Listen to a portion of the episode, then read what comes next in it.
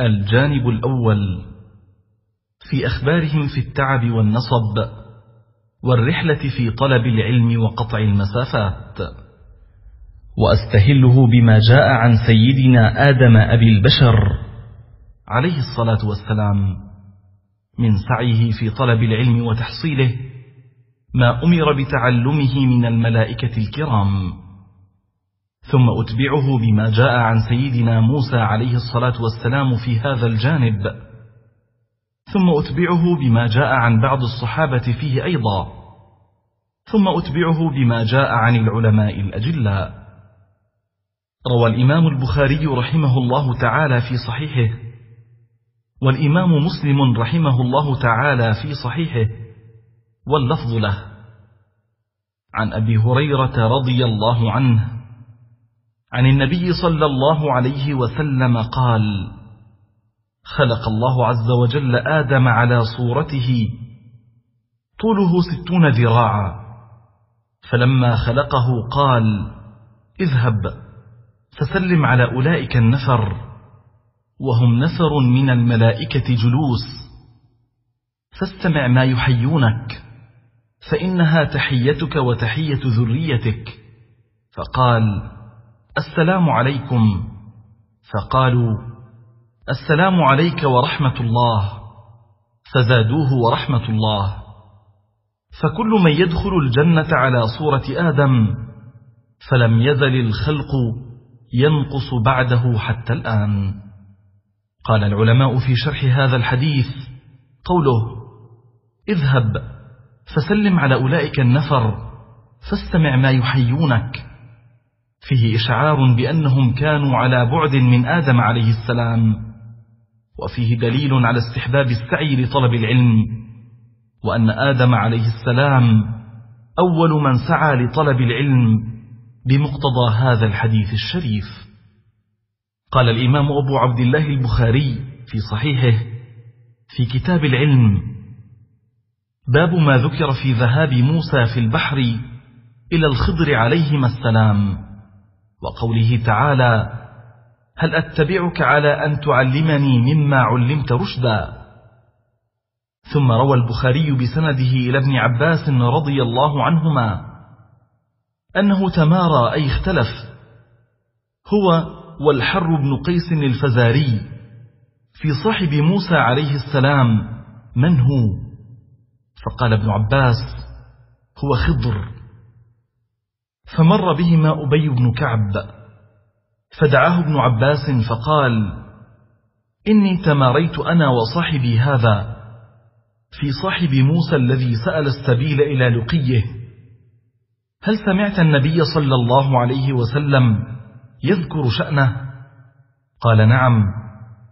سمعت رسول الله صلى الله عليه وسلم يقول بينما موسى في ملأ من بني إسرائيل جاءه رجل فقال هل تعلم أحدا أعلم منك؟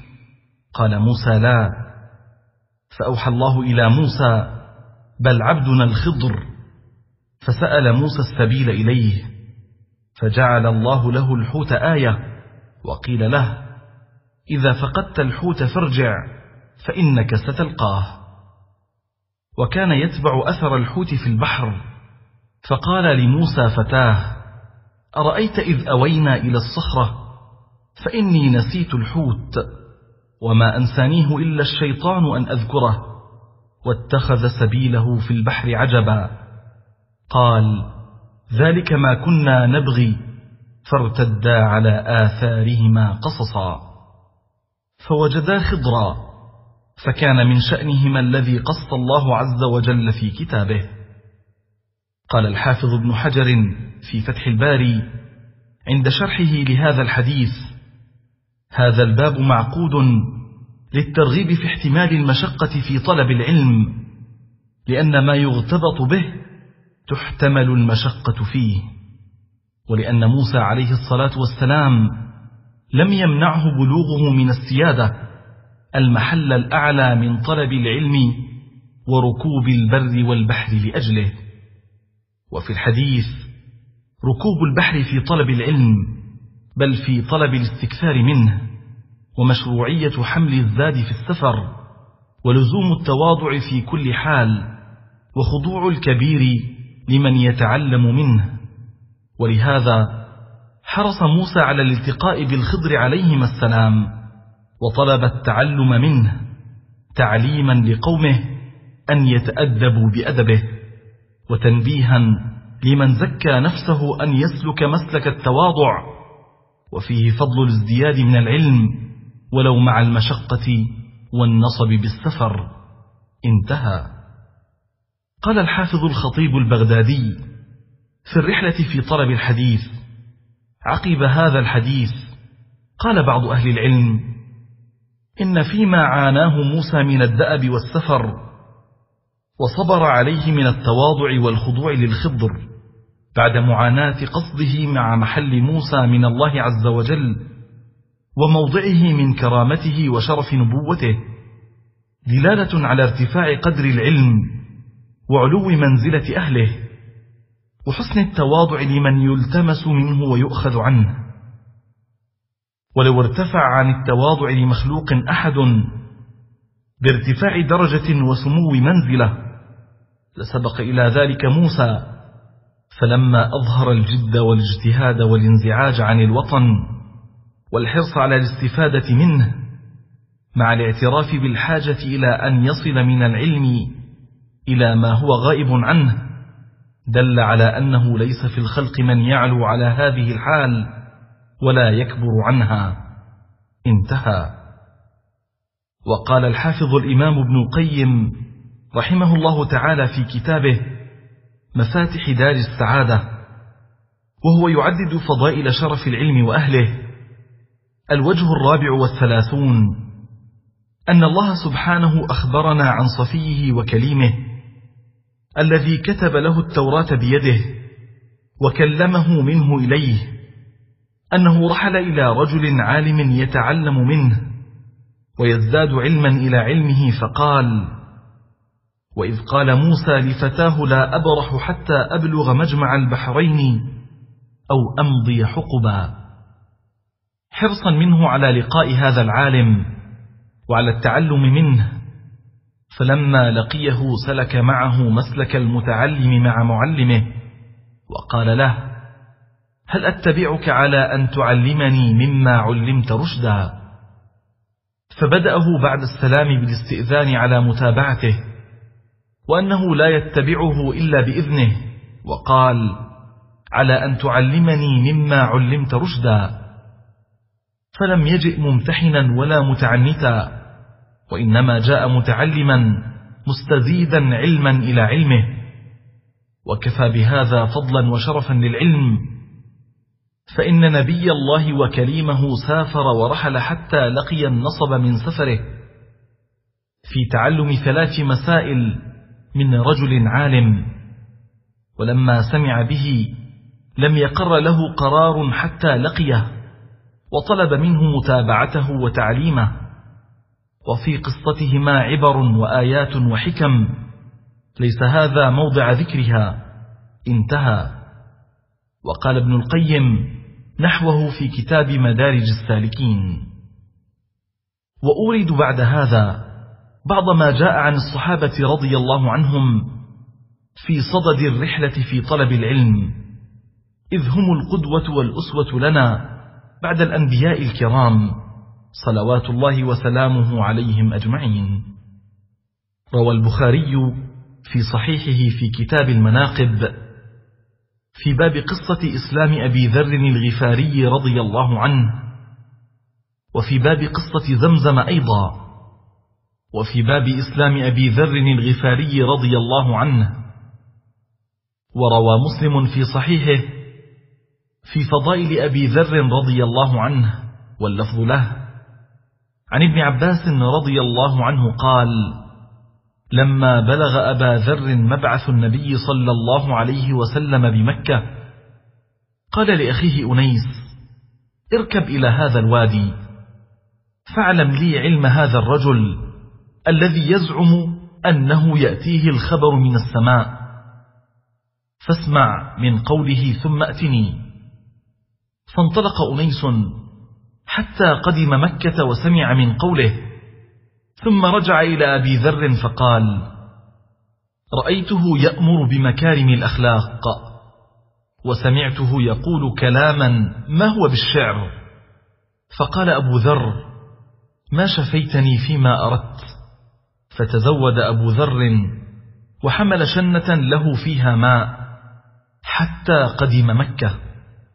فأتى المسجد فالتمس النبي صلى الله عليه وسلم ولا يعرفه وكره أن يسأل عنه حتى أدركه الليل فاضجع فرآه علي بن أبي طالب رضي الله عنه فعرف أنه غريب ودعاه إلى منزله فتبعه.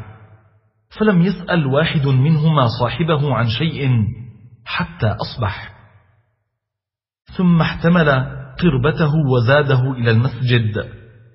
وظل ذلك اليوم ولا يرى النبي صلى الله عليه وسلم حتى أمسى. فعاد إلى مضجعه. فمر به علي فقال ما آن للرجل أن يعلم منزله؟ فأقامه فذهب به معه ولا يسأل واحد منهما صاحبه عن شيء حتى إذا كان يوم الثالث فعل مثل ذلك فأقامه علي معه ثم قال له ألا تحدثني ما الذي أقدمك؟ قال إن أعطيتني عهدا وميثاقا لترشدني فعلت ففعل فأخبره فقال فإنه حق وهو رسول الله صلى الله عليه وسلم. فإذا أصبحت فاتبعني فإني رأيت شيئا أخاف عليك. قمت كأني أريق الماء فإن مضيت فاتبعني حتى تدخل مدخلي. ففعل فانطلق يقفوه حتى دخل على النبي صلى الله عليه وسلم ودخل معه. فسمع من قوله وأسلم مكانه الحديث. وهناك رواية أخرى في حادثة إسلام أبي ذر رواها عنه ابن أخيه عبد الله بن الصامت الغفاري وقد رواها مسلم أيضا في صحيحه من طريق عبد الله بن الصامت الغفاري ابن أخي أبي ذر وملخصها قال قال أبو ذر خرجنا من قومنا غفار وكانوا يحلون الشهر الحرام فخرجت أنا وأخي أنيس وأمنا فانطلقنا حتى نزلنا بحضرة مكة فقال أنيس إن لي حاجة بمكة فاكفني فانطلق أنيس حتى أتى مكة فراث علي أي أبطأ ثم جاء فقلت ما صنعت؟ قال لقيت رجلا بمكة يزعم أن الله أرسله. قلت فما يقول للناس؟ قال يقولون شاعر كاهن ساحر. وكان أنيس أحد الشعراء. فقال أنيس لقد سمعت قول الكهنة فما هو بقولهم؟ ولقد وضعت قوله على أقراء الشعر أي طرقه. فما يلتئم على لسان أحد أنه شعر. والله إنه لصادق وإنهم لكاذبون. قال أبو ذر قلت فاكفني حتى أذهب فأنظر. قال فأتيت مكة فتضعفت رجلا منهم. يعني نظرت إلى أضعفهم فسألته لأن الضعيف يكون مأمون الغائلة غالبا. فقلت له أين هذا الذي تدعونه الصابئ؟ فإشار إلي فقال الصابئ فمال علي أهل الوادي بكل مدرة وعظم حتى خررت مغشيا علي فارتفعت حين ارتفعت كأني نصب أحمر يعني من كثرة الدماء التي سالت منه صار كالنصب وهو الحجر الذي كان أهل الجاهلية ينصبونه. ويذبحون عنده فيحمر بالدم. قال فأتيت زمزم فغسلت عني الدماء وشربت من مائها ولقد لبثت يا ابن أخي ثلاثين بين ليلة ويوم ما كان لي طعام إلا ماء زمزم فسمنت حتى تكسرت عكن بطني وما وجدت على كبدي سخفة جوع يعني أثر الجوع وضعفه. قال فبين أهل مكة في ليلة قمراء إذ ضرب على أسمختهم أي آذانهم بالنوم فما يطوف بالبيت أحد.